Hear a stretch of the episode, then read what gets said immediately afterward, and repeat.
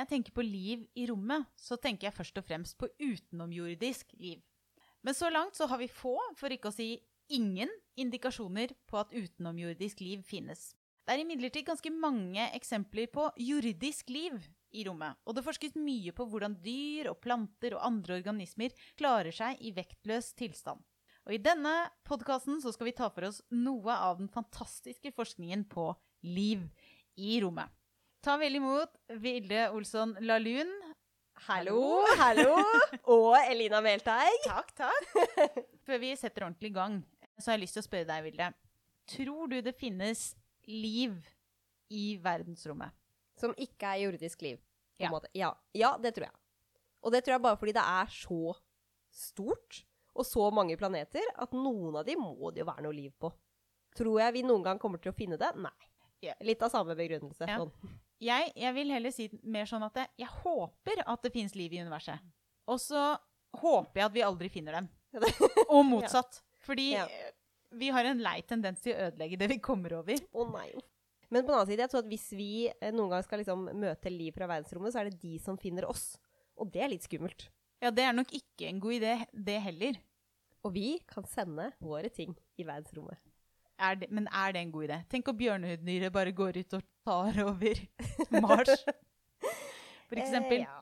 For det er jo noe vi, det kommer vi tilbake til. Um, men det er en god del um, organismer fra jorden som har vært ute i verdensrommet. For da romfartsteknologien skjøt fart, så var noe av det viktigste å forske på om, om det i det hele tatt er mulig å være i rommet.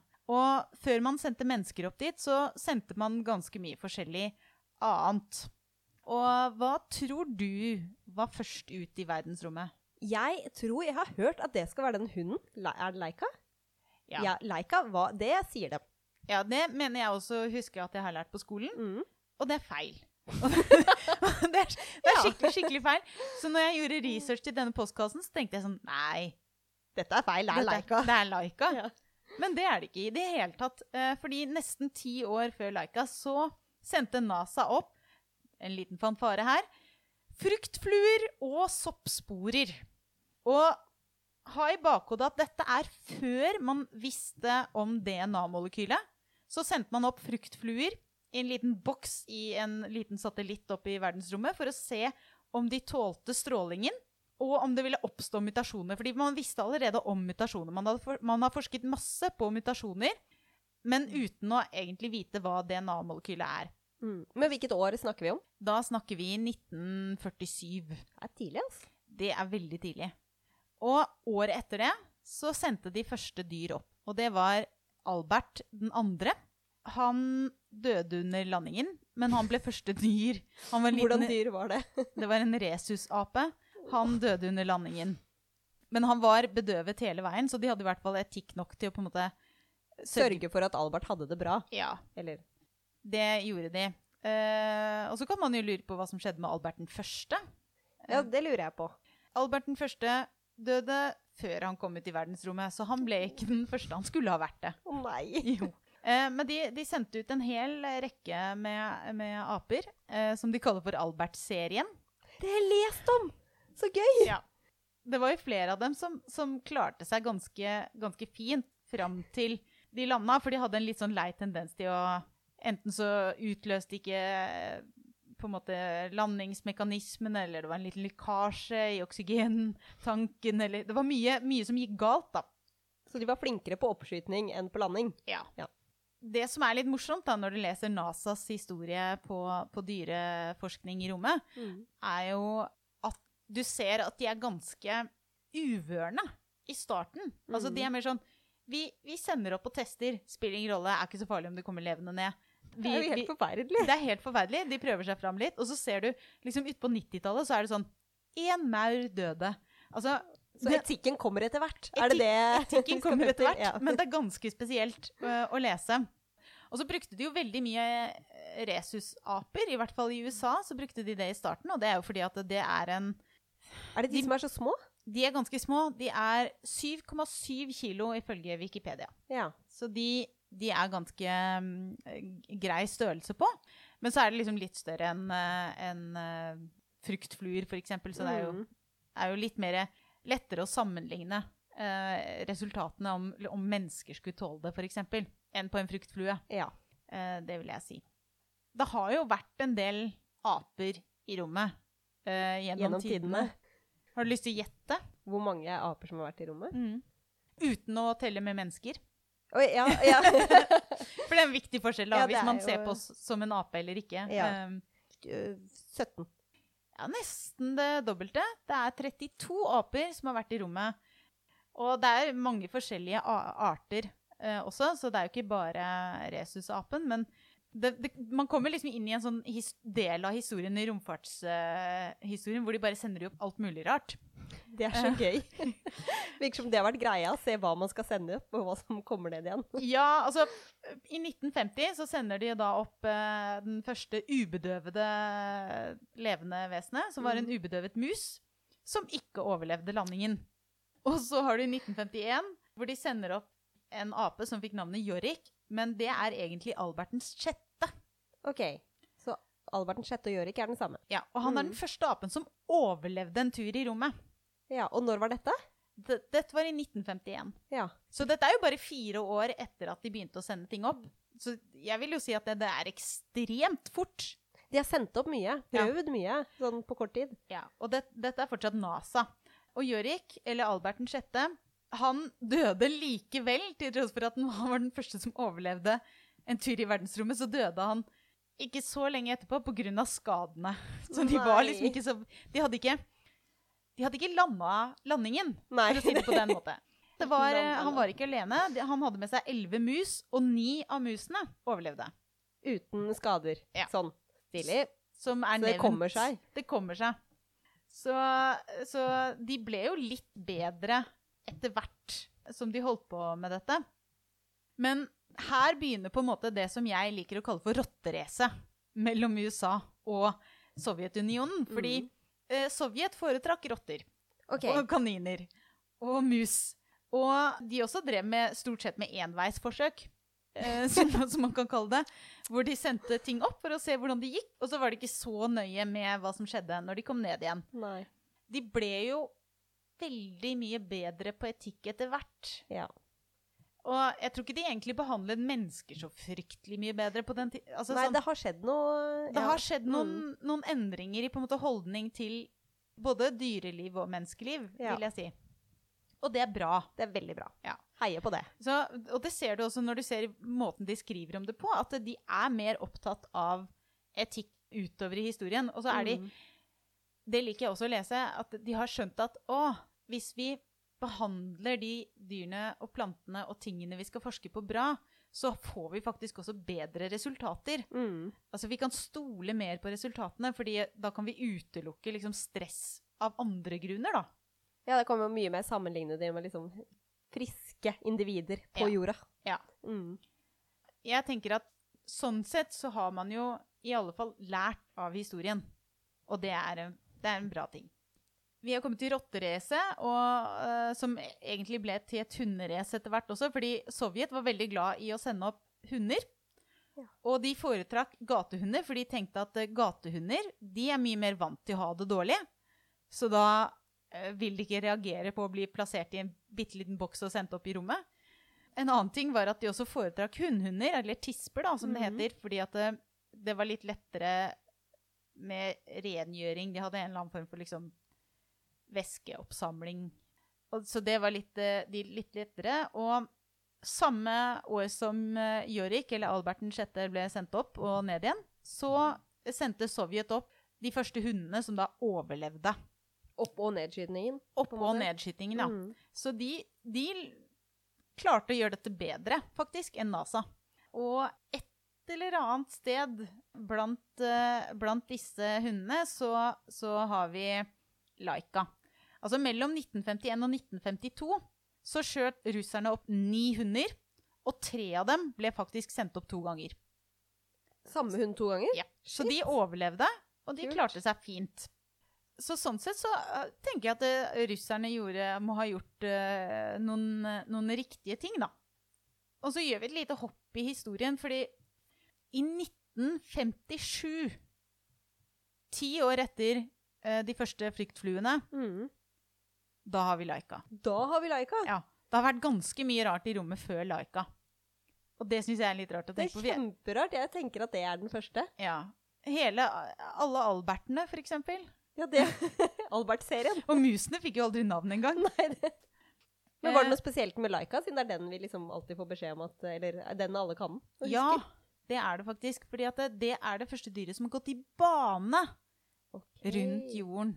Og det er også litt sånn Hva er det som teller som verdensrommet, ikke sant? Mm. Det er litt sånn diffust eh, hvor verdensrommet begynner og hvor det slutter. Da jeg var liten, så så jeg alltid for meg at det, det var liksom ozonlaget, og så var det sånn Det var tett. Da var det liksom som en sånn kule eller tak, da. Ja. Ja, det er jo ikke Ja. sånn. Nei, men det, jo, nei. Det er en sånn gradvis overgang mot ingenting. Det er veldig rart å tenke på, Det er det. Og definisjonen er bare satt til 100 km fra jorden jordens overflate. Ja, uten noe mer eh, Jeg tror Ja. det har noe med liksom, trykk og litt sånn. At Ja. det, er, det er en fornuftig eh, grense. mm. Men det, der går, går grensen. Så det er utenfor det igjen, da, som er rommet. Så Laika var utenfor der.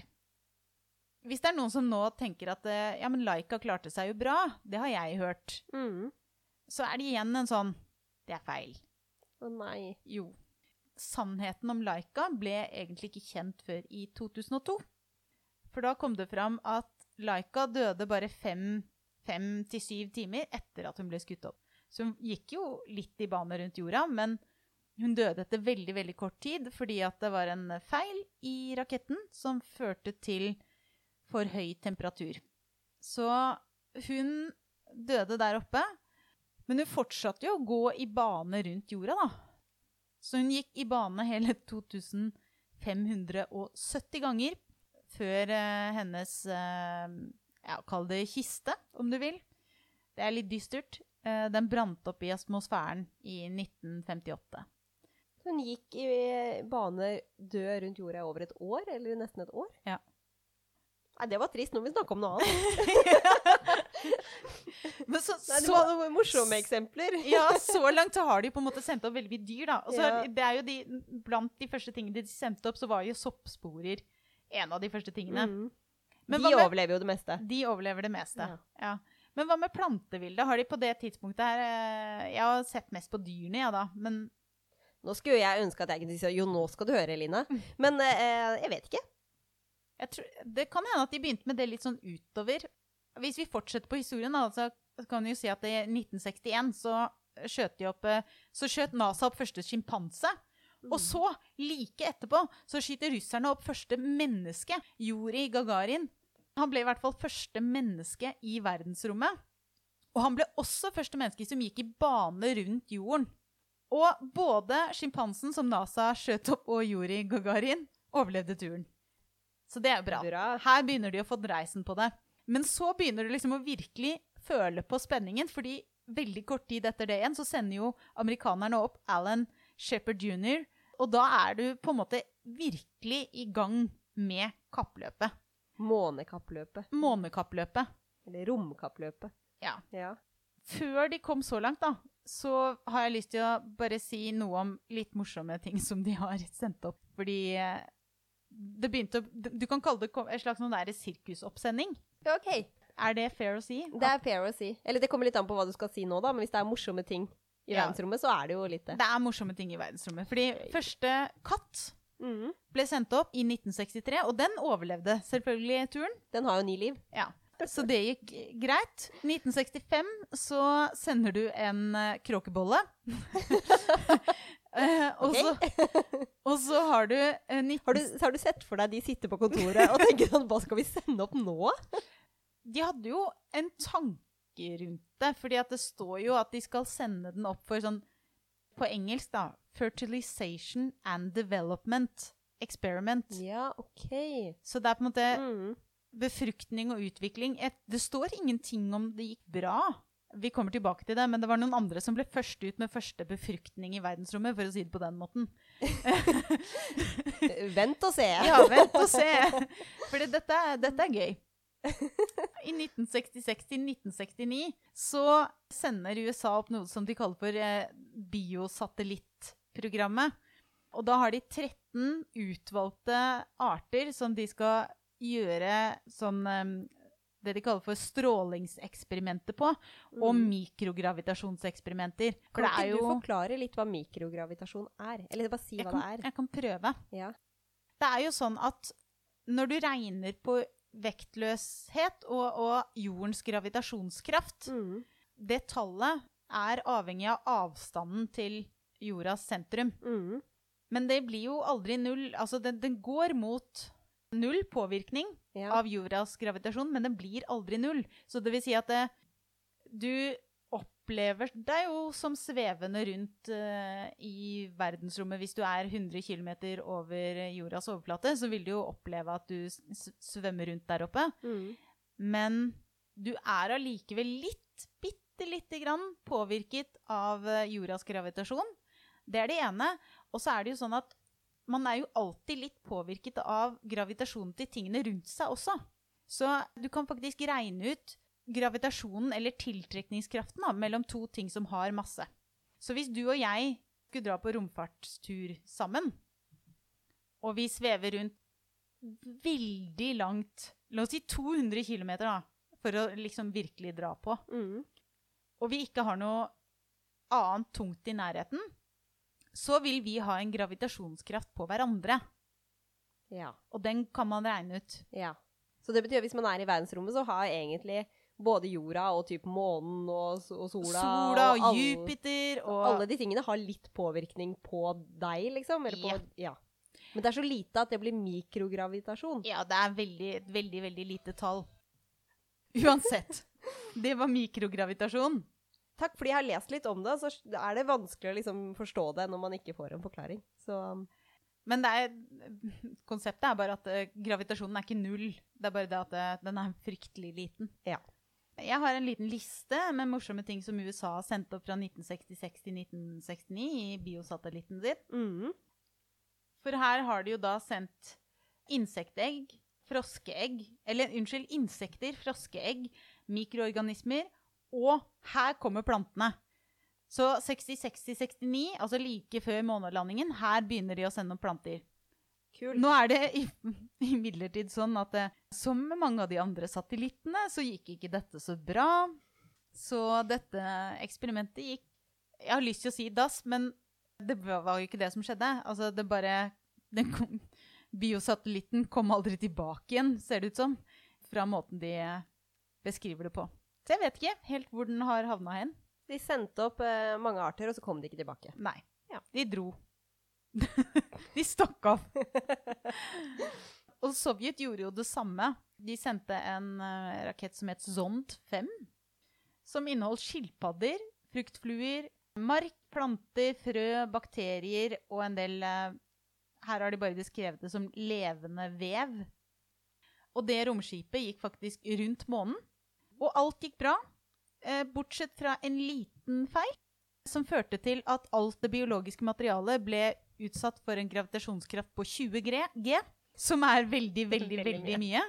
Og det tålte de ikke. Nei, det, ja, så alt det, det gikk bra, men alt døde. Ja. Ja.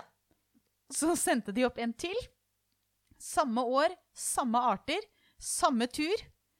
En liten feil førte til at kabintrykket falt, og alt det biologiske materialet ble ødelagt. Nei. Jo.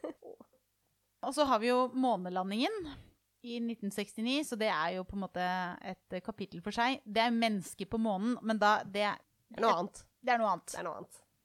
Etter månelandingen så har de jo fortsatt å sende opp ting. De har sendt, opp kaniner, rotter, skilpadder, havskilpadder, insekter, edderkopper, fisker, maneter, amøber, sopp, muggsopp, alger, planter, vaktelegg, salamandre, frosker, celler av ukjent opprinnelse, antagelig menneskeceller, og frø. Så det er bare en liten oversikt over hva de har drevet og sendt. Det vi kan si, er at det har vært mye. Ja. Og sikkert er. Ja, og så har de gjort en del rare eksperimenter, fordi de edderkoppene som ble sendt opp, fikk jo navn. Ja. De heter Arabella og Anita. Men det de ville finne ut, var jo egentlig bare for å se om, om edderkopper kan spinne i vektløs tilstand. Ja, kan de det? De, altså, de har jo spunnet hvert sitt uh, utenomjordiske edderkoppnett. Det var litt annerledes enn på jorden. Altså litt sånn tynnere og litt mer ujevnt. Men uh, de fikk det til. Og så døde de av dehydrering. Ja. De, har, du har også, de begynte jo etter hvert å få litt uh, kontroll på ting, og i 1998 så hadde de jo over 2000 forskjellige levende vesener som ble sendt opp til et forskningsprosjekt som de kaller for Neurolab. Her, her begynner man på en måte å miste tellinga på arter da, som har vært i verdensrommet. Når er, de sender opp 2000, ja. ja. Men det er ikke 2000 arter, det er 2000 organismer. Ja, ok, ja. Så jeg vil tippe at de i hvert fall har to av hver, sånn Noahs ark-aktig. Jeg er jo veldig glad i, i planter, og det første som slo meg når vi skulle liksom eh, snakke litt om eh, astrobiologi, så tenkte jeg sånn Hvis man skal overleve De snakker om at de skal leve på Mars. Og de snakker om at de skal leve på disse romstasjonene, og det gjør de jo også. Og da de er jo der oppe lenge. De er jo der oppe kjempelenge, og de må jo ha mat. Og sånn som det har fungert det veldig lenge, og egentlig fungerer hovedsakelig i dag òg, så får du jo mat, tørrmat, opp, ta med seg fra jorda. Men hvis man skal klare å leve på Mars i uendelig tid, eller andre steder, så må man jo faktisk klare å lage sin egen mat. Mm. Og derfor så må man jo vite hvordan planter overlever og klarer seg, og om det er mulig å i det hele tatt lage liksom, spisbar mat i verdensrommet. Det gikk bedre dette- med, med plantene kanskje enn med Albert-serien. Ja, og jeg tror den store forskjellen på hvorfor det tok litt tid da, å få i gang planteforskninga, var at det som har vært viktig for planteforskning, er å finne ut er det mulig å liksom gro planter fra frø i verdensrommet. Så det er ikke det å ta med en plante opp og ha den der i en dag eller to og ta den med ned igjen. Det, har liksom, det er jo gøy, det òg, men det viktigste er egentlig kan man klare å liksom faktisk lage mat i verdensrommet. Og for å få til det, så må man jo være der oppe en stund. Og man må ha liksom noen som kan passe på disse plantene en stund. Så disse forsøkene ble jo kanskje en realitet når man begynte med den International Space Station, altså der hvor eh, astronauter ISS. ja. Som altså astronauter bor over lengre tid. Mm. Og der så har de et eget forskningssystem for planter. De har kalt det for Veggie System. Det syns jeg var veldig gøy. Det liker jeg, men det var ikke veldig, det var ikke veldig originalt. Det var ikke veldig originalt. Står for Vegetable Production System. Heller ikke veldig originalt, men veldig, veldig stilig. Og de begynte for mange eh, år siden, og det er jo litt som et liksom, eh, greenhouse.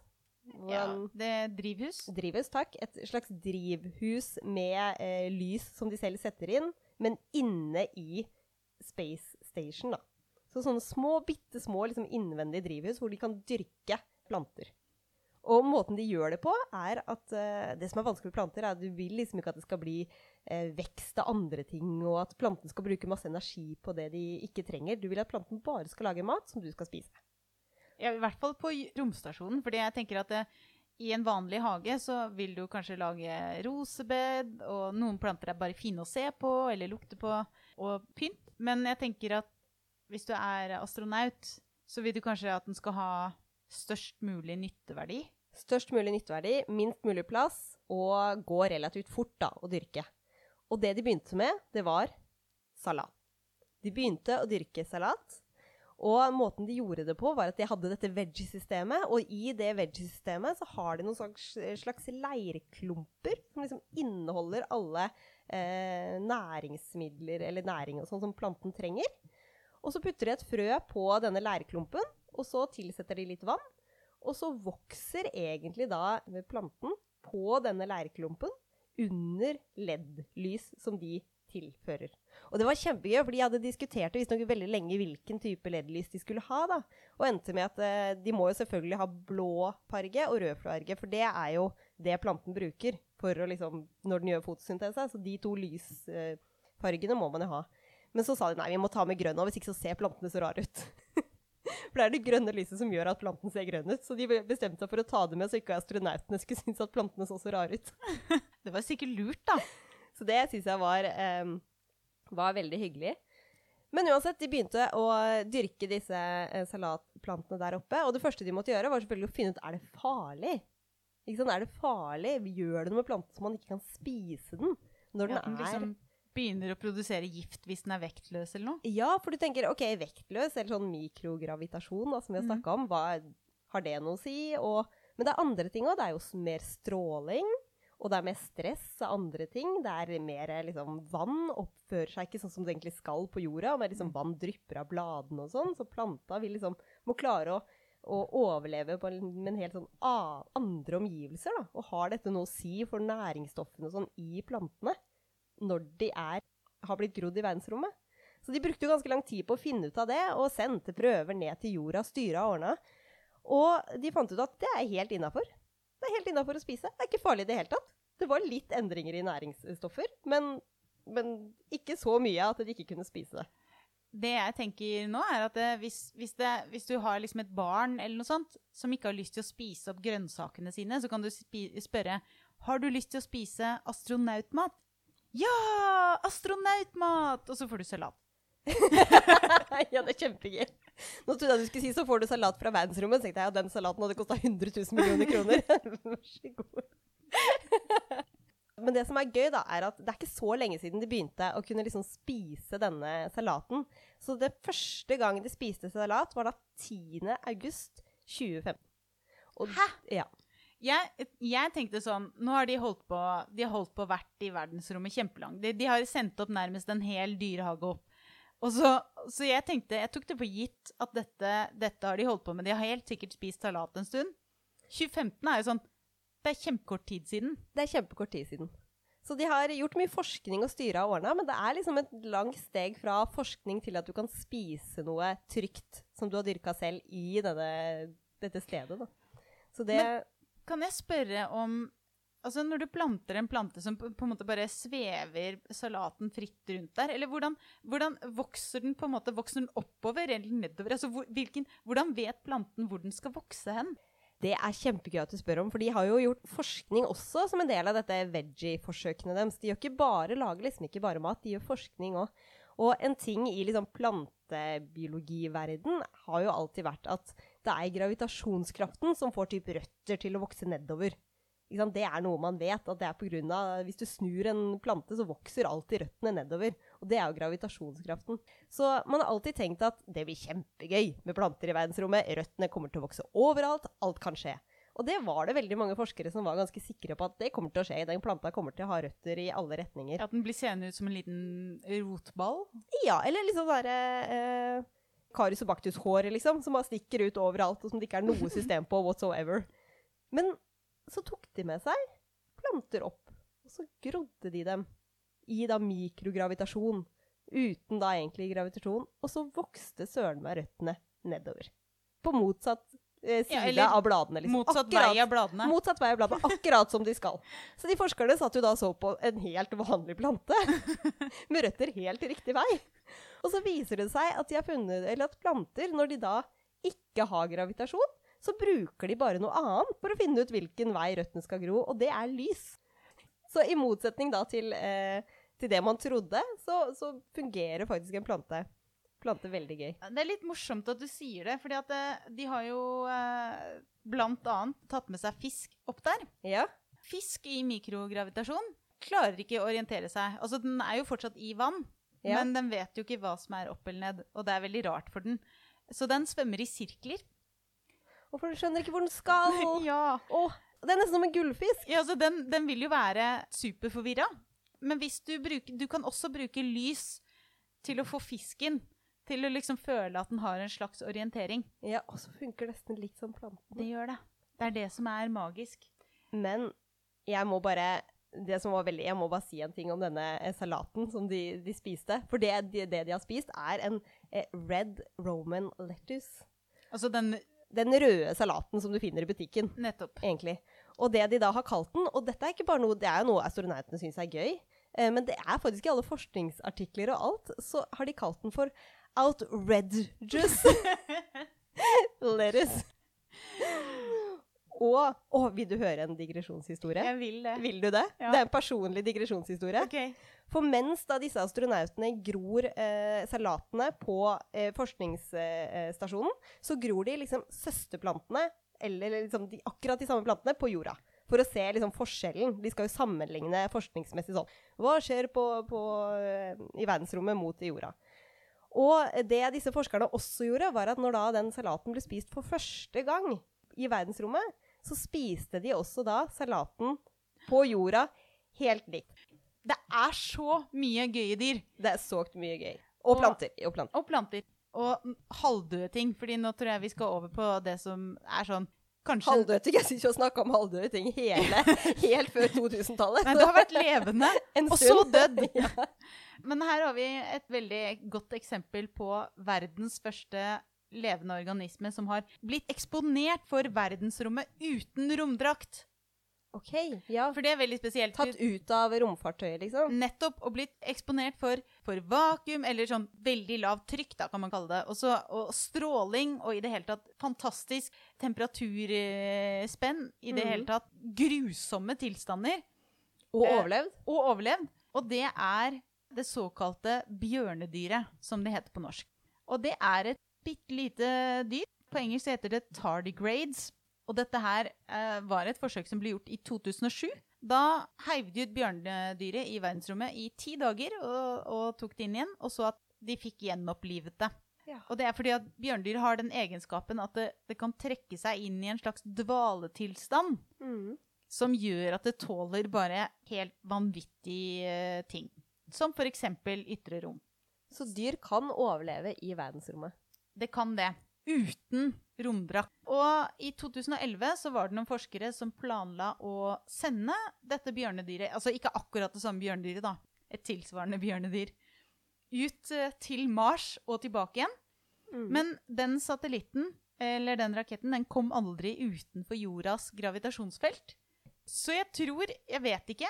Jeg vet ikke det sikkert. Jeg vet ikke hva som har skjedd med den raketten. Men jeg tror faktisk den går i bane rundt jorda fortsatt. Og det er jo bjørndyr i dvale. Ja. Så en dag våkner du opp og tenker hva skjedde har skjedd her? Hva har skjedd der? Hvis den lander, eh, mot formodning, hvis den detter ned igjen og så Tenk om bjørnedyret liksom kravler ut igjen av den lille raketten og bare tenker sånn Ja, 2020, det var et dårlig år. Ja. Sendte meg opp i verdensrommet, så jeg liksom slapp å Være med på dette. ja. Det er jo veldig fint, da. Men det er, det er veldig mye rart som har um, overlevd, eller eh, nesten overlevd. I 2014, og det er jo bare noen få år etterpå, så var det noen, eh, noen eh, astronauter som skulle ut og vaske vinduene på den internasjonale romstasjonen. For det må de. Ja. Jeg vet ikke helt hvorfor det blir skittent på utsiden. Nei, det var akkurat det jeg tenkte på. At hva, men det er vel skitt, da. Ja, Mm. romstøv, kanskje. Mm. De skulle i hvert fall ut og liksom pusse gnukke litt på raketten. Var helt Feil ting å si. Og hva skjedde så, Elina? De fant plankton Mens de pussa vinduet? ja, på utsiden av den internasjonale romstasjonen. Eh, og det var jo kjemperart, for det er ikke akkurat et sted du forventer å finne plankton. Og fordi denne, denne raketten, eller denne delen av raketten ble sendt opp fra Kasjokstan, så Mm. er det heller ikke, det er ikke noe plankton der. Nei. Nei.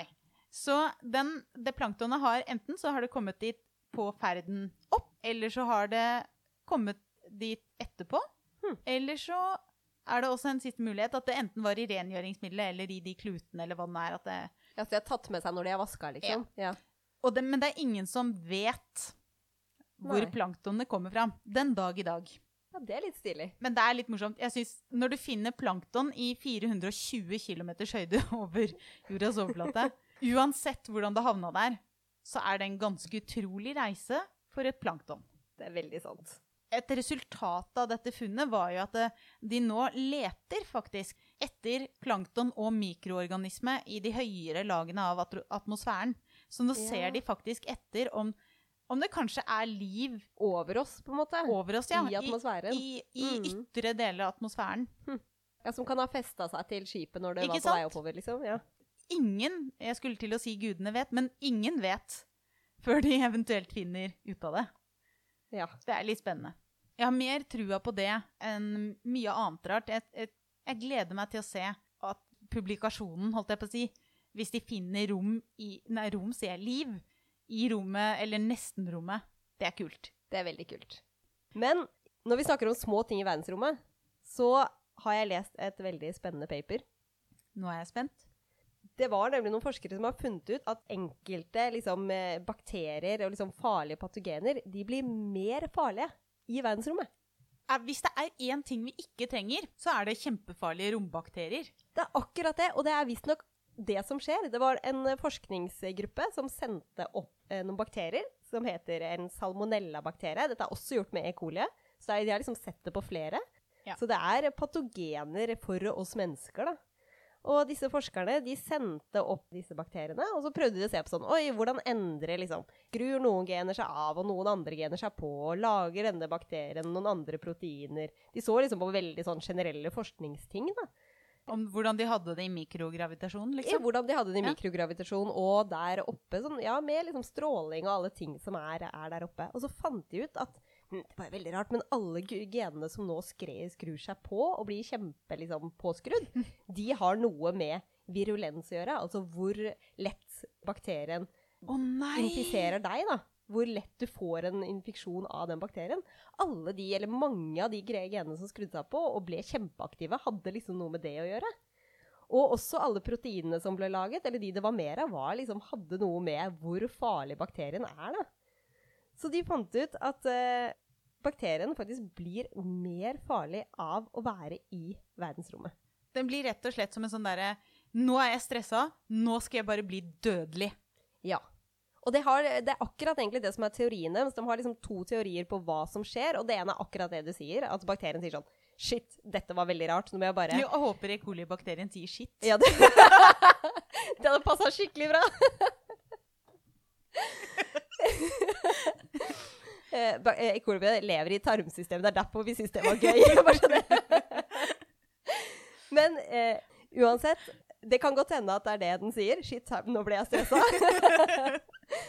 nå må jeg gjøre noe, og det den liksom eh, prøver å gjøre da, er å bli så farlig som mulig, sånn at den kan kanskje klare å, å infisere noen og overleve. En annen eh, teori de har, er at bakterien tror at den er inni magen din. For det er jo der den liksom gjør infeksjon og gjør skade. Så den, av de omgivelsene som er veldig rare og litt sånn annerledes vann og annerledes alt mulig rart, tror den at det er i magen din, eh, i tarmsystemet. Og så blir den farlig av det. Så det er liksom de to eh, hypotesene de har, da. Men Men uansett så er jo ikke det eh, veldig hyggelig. Og jeg tenker at det betyr at man må være utrolig nøye med hvilke bakterier man, man eventuelt tar med seg opp i verdensrommet, og hvilke prøver man tar med seg ned igjen. For de blir vel ikke snille bare av at man tar dem med ned, eller? Nei, det, tror, det er jeg litt usikker på. Det sto det ikke noe om. Men det har jo hvert fall, jeg tror dette har mye å si med eh, Disse bakteriene har jo vi på oss og i kroppen vår, og det kan jo komme med på forskjellige eh, romferjetur. Liksom, det kan komme til at mennesker som skal leve mye i verdensrommet, får en infeksjon av disse tingene. da. Akkurat som vi får de på jorda. Og da er de farligere enn de kan ikke tenke meg eller- noe kjedeligere sted å ha diaré enn i verdensrommet. Eh, Med alle rommevennene dine. og én do.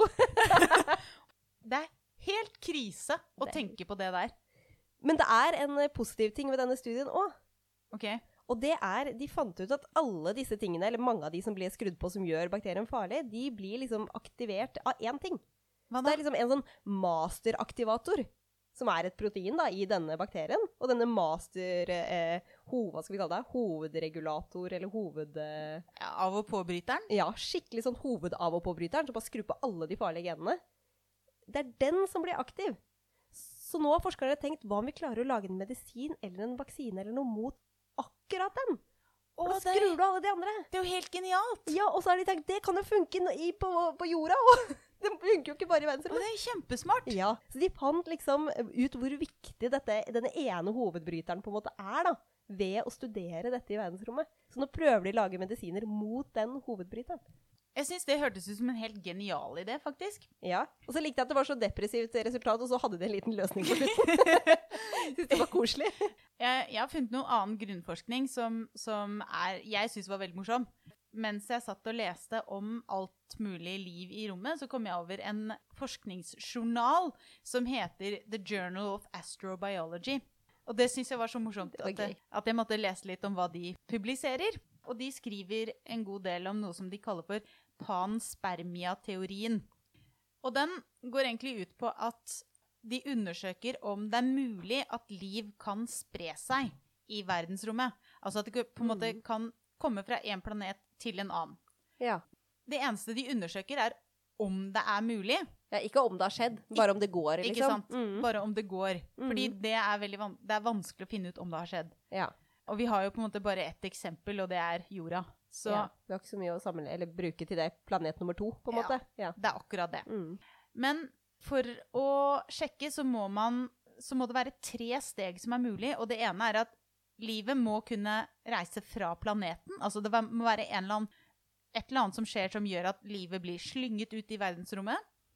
Og så må livet, hva det nå enn er, tåle turen gjennom rommet. Ja. I hvert fall et par år på reise i ekstrem stråling, ekstreme temperaturer osv.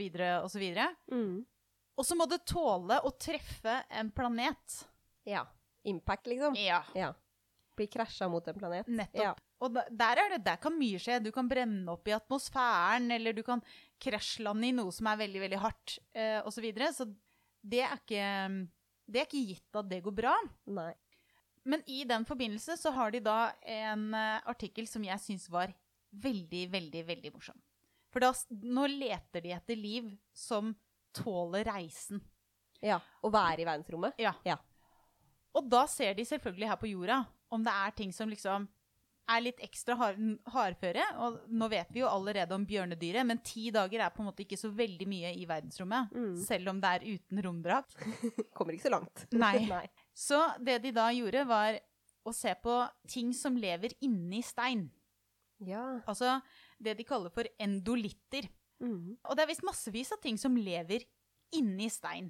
Det er så rart å tenke på. Jeg synes det er kjemperart å tenke på, fordi når jeg ser på en stein, så tenker jeg det er en stein. Ja. Og inni den er det ikke noe liv. Men det er det. Det kan være masse liv inni en stein. Så, og da har de, da har de eh, sett på endolitter litt eh, forskjellige steder. Blant annet Det, det er fire typer eh, endolitter. Den ene er en eh, lavtype som ble hentet fra 2000-3000 meters høyde fra et eh, fjell i Sveits. Og så har de to typer endolitter som er hentet fra Antarktis. Så det er liksom Det er kaldt. Det er Det er ikke, no, ikke noe Ja. sol halve året. Mm. Det er hardføre greier. og du bor inni en stein. Ja. Da, da vet du at dette her er noe som tåler det meste. Det ene var en lavart, og det andre var en, en slags uh, sopp. Men tok de med disse opp i verdensrommet, eller? De tok med dette her opp i verdensrommet, og det de gjorde, var at eh, de utsatte dem for rommet. I den forstand at, Men de hadde litt forskjellige prøver. Så de har, men de alle har vært eksponert for vakuum og stråling. og så har de, Men alle har ikke blitt utsatt for like mye soltid. altså sånn, fordi Du har jo ikke noe planet som går ned nødvendigvis og liksom beskytter deg eh, noen timer av døgnet. Mm. Du får ikke noe pause. Så ekstrem soltid, altså ekstreme strålingsmengder Jeg sa det ikke atmosfære som beskytter dem, på en måte. Men disse bor jo tross alt inni en stein. Ja. så du har jo steinen din. Jeg bare ser for meg at de har tatt en stein og liksom har kasta den ut av den internasjonale romstation. Så, ha det! Overlever du nå? Okay, nei, de, de, de, de har på en eller annen måte satt dem fast i noen bokser på romstasjonen, så de har kontroll på dem. Men det som var veldig gøy, var at eh, denne ene lavarten fra Antarktis, den overlevde, og den var mulig å gjenopplive etter ett og et halvt år i, I rommet. verdensrom... Nei! Jo. Oi! Og da har den på en måte Det var lenge. Det er kjempelenge. Og det er sikkert bare fordi forskerne var lei av å vente og tok den inn. Så jeg, man vet jo Ja, ikke om ja, den kunne klart seg lenger, men, men da tørka den på en måte inn. Og så klarer den seg veldig fint uten vann, fordi husk at den bor på Antarktis, hvor det er iskaldt. Mye å leve av og kose seg med. Så den, den hadde det helt fint, antagelig, den. Så den klarte å bli gjenopplivet igjen når den kom til litt mer normale tilstander og fikk flytende vann og litt sånne ting, så gikk det bra med den. Så det, så det viser jo bare at det er mulig eh, å klare eh, en eh, type ekstrem eksponering. Og en annen ting som er litt morsomt med, med akkurat den lavarten, er at den har også blitt forsket på i et annet forsøk, hvor de sjekket at eh, den tåler et trykk på så mye som 40 gigapascal. Altså like mye som en meteoritt fra Mars vil oppleve av trykk i løpet av sin ferd Ja. fra Mars til Mm. jorden. Altså liksom den derre impact-trykket, da. Mm. Så denne endolitten, steindvelleren, eller hva man skal kalle det for, for noe, den klarer altså dette ekstreme trykket også. Så man har i hvert fall bevist to av de tre tingene for panspermia-teorien. Nå sier jeg ikke at den kommer fra Mars, Det er bare Eh. at det er, fins levende organismer som Som, som tåler det. mm. Det er egentlig alt. Ja. Jeg syns det var veldig gøy at du hadde med denne teorien, fordi jeg fant fors en forskningsartikkel som egentlig har sett på det siste. helt Landingen. Landingen, helt uavhengig av egentlig å ha prata med deg. Bare fordi jeg syns dette var veldig gøy. Eller eh, Det er jo veldig gøy. Ja, det var veldig gøy. Så denne historien var ikke så gøy som mange av de eh, romhistoriene vi har snakka om. Men det var, var Er det lov å, å si at noen av de historiene vi har hatt nå i dag, er speisa? De er, de er speisa. De er eh, Ja, de er Ok, Okay, noen må hjelpe meg. Jeg har litt for tørr humor. Altså. Det, er... det går over stokk og stein, eller for ikke å si stokk og endolitter, eller OK, Ja. Elina. Er du klar for å høre på siste del av uh, Hva kalte du teorien din? Pan panspermia-teorien. panspermia-teorien. Hvordan skal de klare å overleve krasjlandinga? Nå er jeg spent. Det har seg sånn. Starter litt eh, kjipt. I 2003 så styrta Columbus 107 Mission. Det var forsknings, eh, en forskningsromferge som hadde jeg tror det var 80 forskningseksperimenter og syv forskere som eh, var oppe i verdensrommet i vet ikke hvor mange dager, men en, en relativt lang periode. Og liksom gjorde alle disse forsøkene. Og så skulle de da lande med alt det biologiske og forskningsmaterialet de, de hadde. Uansett, eh, alt gikk bra helt til de skulle lande, og i landinga så ble det der varmeskjoldet deres ødelagt. Så hele romferga med hele besetningen bare krasjlanda, eller brant opp, fikk ekstreme eh, varmemengder, krasja, og man trodde at alt døde. Og, det, og dette var liksom en slags sånn crime scene. Eller sånn, de, man fikk ikke lov til å ta på noe eller finne noe, lete etter noe i, denne, i dette vraket. For man skulle finne ut hva som hadde gått gærent da, i Og det er litt Krasjlandinga. viktig å finne ut av det. Ja. Så mye av det, eh, Og så trodde man jo at alt var dødt. Men mens de prøvde å finne ut hva som hadde gått gærent, så sa de at neimen, her var det jo noe levende. Og det viste seg at ett av de forsøkene, 80 forsøkene, var faktisk forsøk på en mark. Forskningsmarken. Det er vel en rundorm som heter C. elegans. Og det er den liksom, modellorganismen, den eh, ormen eller marken man forsker veldig mye på. Og et av forskerne hadde vært om hvordan denne marken klarer seg i verdensrommet. Og de hadde overlevd krasjlandinga. Kult! Og det viser seg at disse bodde egentlig i et slags lite bur som var veldig beskytta. Skulle liksom beskytte dem mot stråling og alle mulige ting oppe i verdensrommet. Men det buret hadde blitt ødelagt. Så det buret hadde blitt ødelagt eh, akkurat når liksom skipet ble ødelagt. Så de markene hadde faktisk overlevd den turen ned gjennom atmosfæren uten noe eh, skjold eller noe til å beskytte seg for, og krasjlandet med jordas overflate. Og det er jo egentlig, er egentlig helt ekstremt, fordi eh, i motsetning til, til eh, eh, bjørnedyret, så tror jeg ikke disse små ormene lager noe skall eller sporer eller andre ting som gjør dem at de tåler det. De har ikke noe skall, ikke noe sporer. Det er en bitte liten eh, mark som består av ca. 1000, eh, 1000 celler.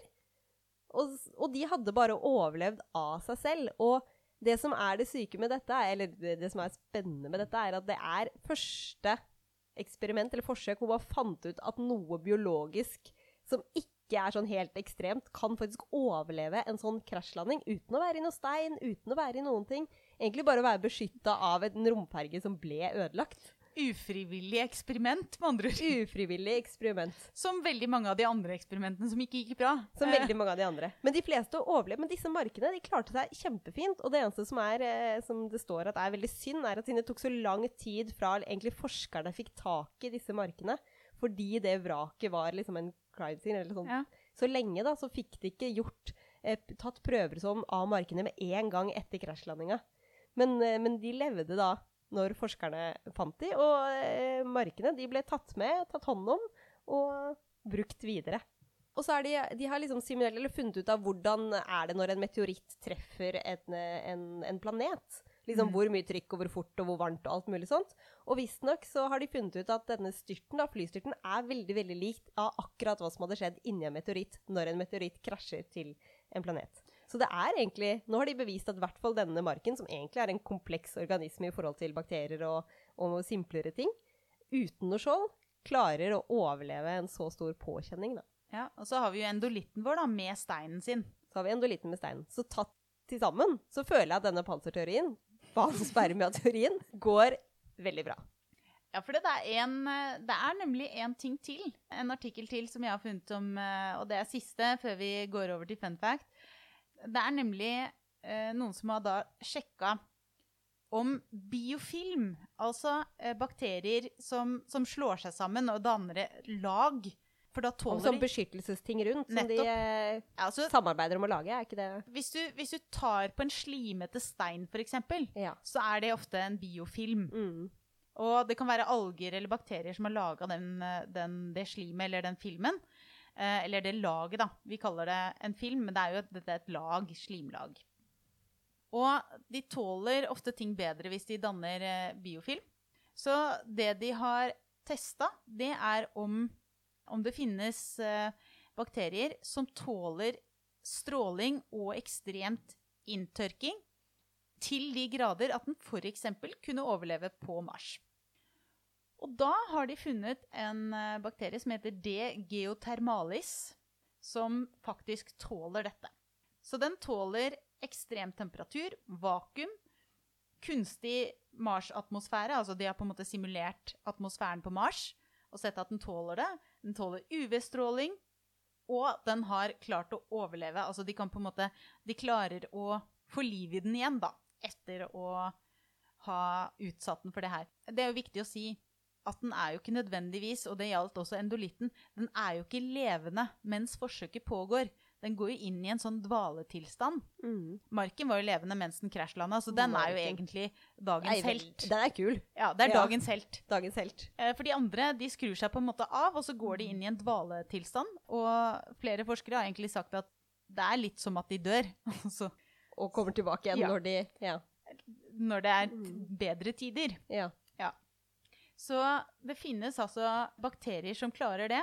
Og denne bakterien her har da blitt sendt på en 16 måneder lang reise i runder rundt jorden på en, eh, et eksperiment som kalles for BOSS. Som er et sånt rett og slett eh, forskningseksperiment som de har bare kalt det BOSS. Men da går det altså an. Ting kan overleve på Mars. Jeg sier ikke at det kan leve på Mars, men det kan overleve. Det er egentlig konklusjonen. Spennende. Ja.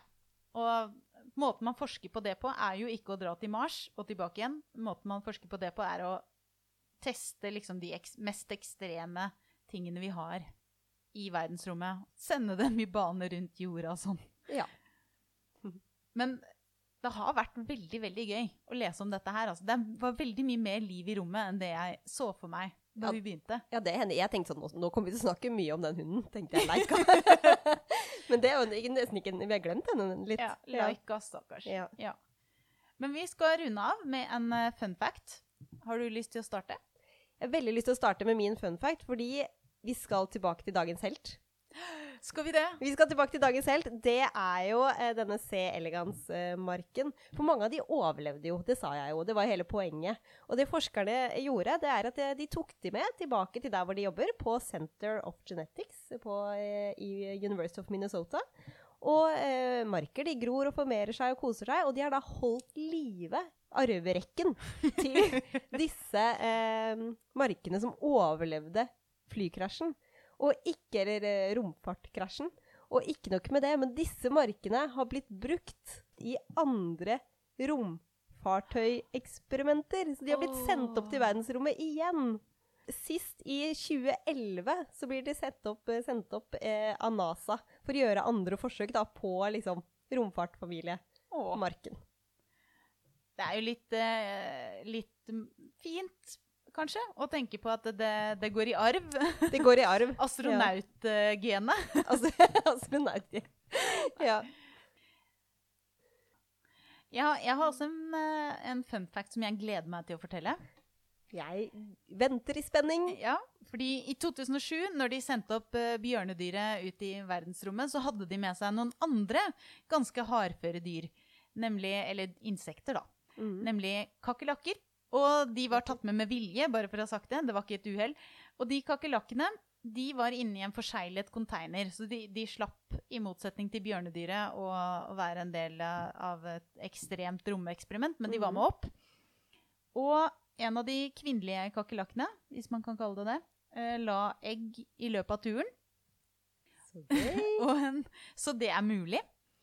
Og en eh, annen av de kvinnelige kakerlakkene la egg da hun kom ned igjen. Og som ble gravid på turen. Ja. Å, så koselig! Det er kjempekoselig. Så det er, det er den første, første skapningen som har unnfanget barn, eh, insekter, i rommet, som vi vet om. Fantastisk. Det er veldig koselig. Det er koselig at vi vet at det går an. Ja. Det, Og- det hjelper sikkert de som skal til Mars i evig tid. Jeg tenker at hvis noe, så er det på en måte det er punktum finale på at det finnes liv i rommet. Liv kan bli til i rommet. Liv kan bli til i rommet. Åh, det er vakkert. Det er veldig vakkert. Og med det så tror jeg vi skal avslutte dagens eh, biopod om, eh, om astrobiologi. Og håper at du har lyst til å høre på oss igjen. Takk for i dag. Ha det bra.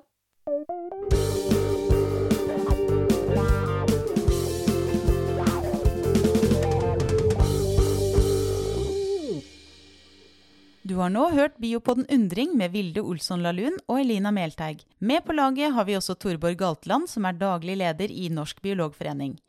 Biopodden utgis av tidsskriftet Biolog, som eies av Norsk biologforening. Disse utgivelsene skjer i samarbeid med Tidsskriftforeningen, med midler fra Fritt Ord. Musikken du hørte, er laget av biologibandet Overgump, som består av Even Sletteng Garvang, Markus Fjelle, Erik Møller og Mathias Kirkeby. Fortell gjerne om podkasten til venner og kjente, og gi oss tips og tilbakemeldinger på e-posten biopodden alfakrøll bio.no. Du kan støtte oss ved å bli medlem av Norsk biologforening. Alle er velkomne. Vi høres.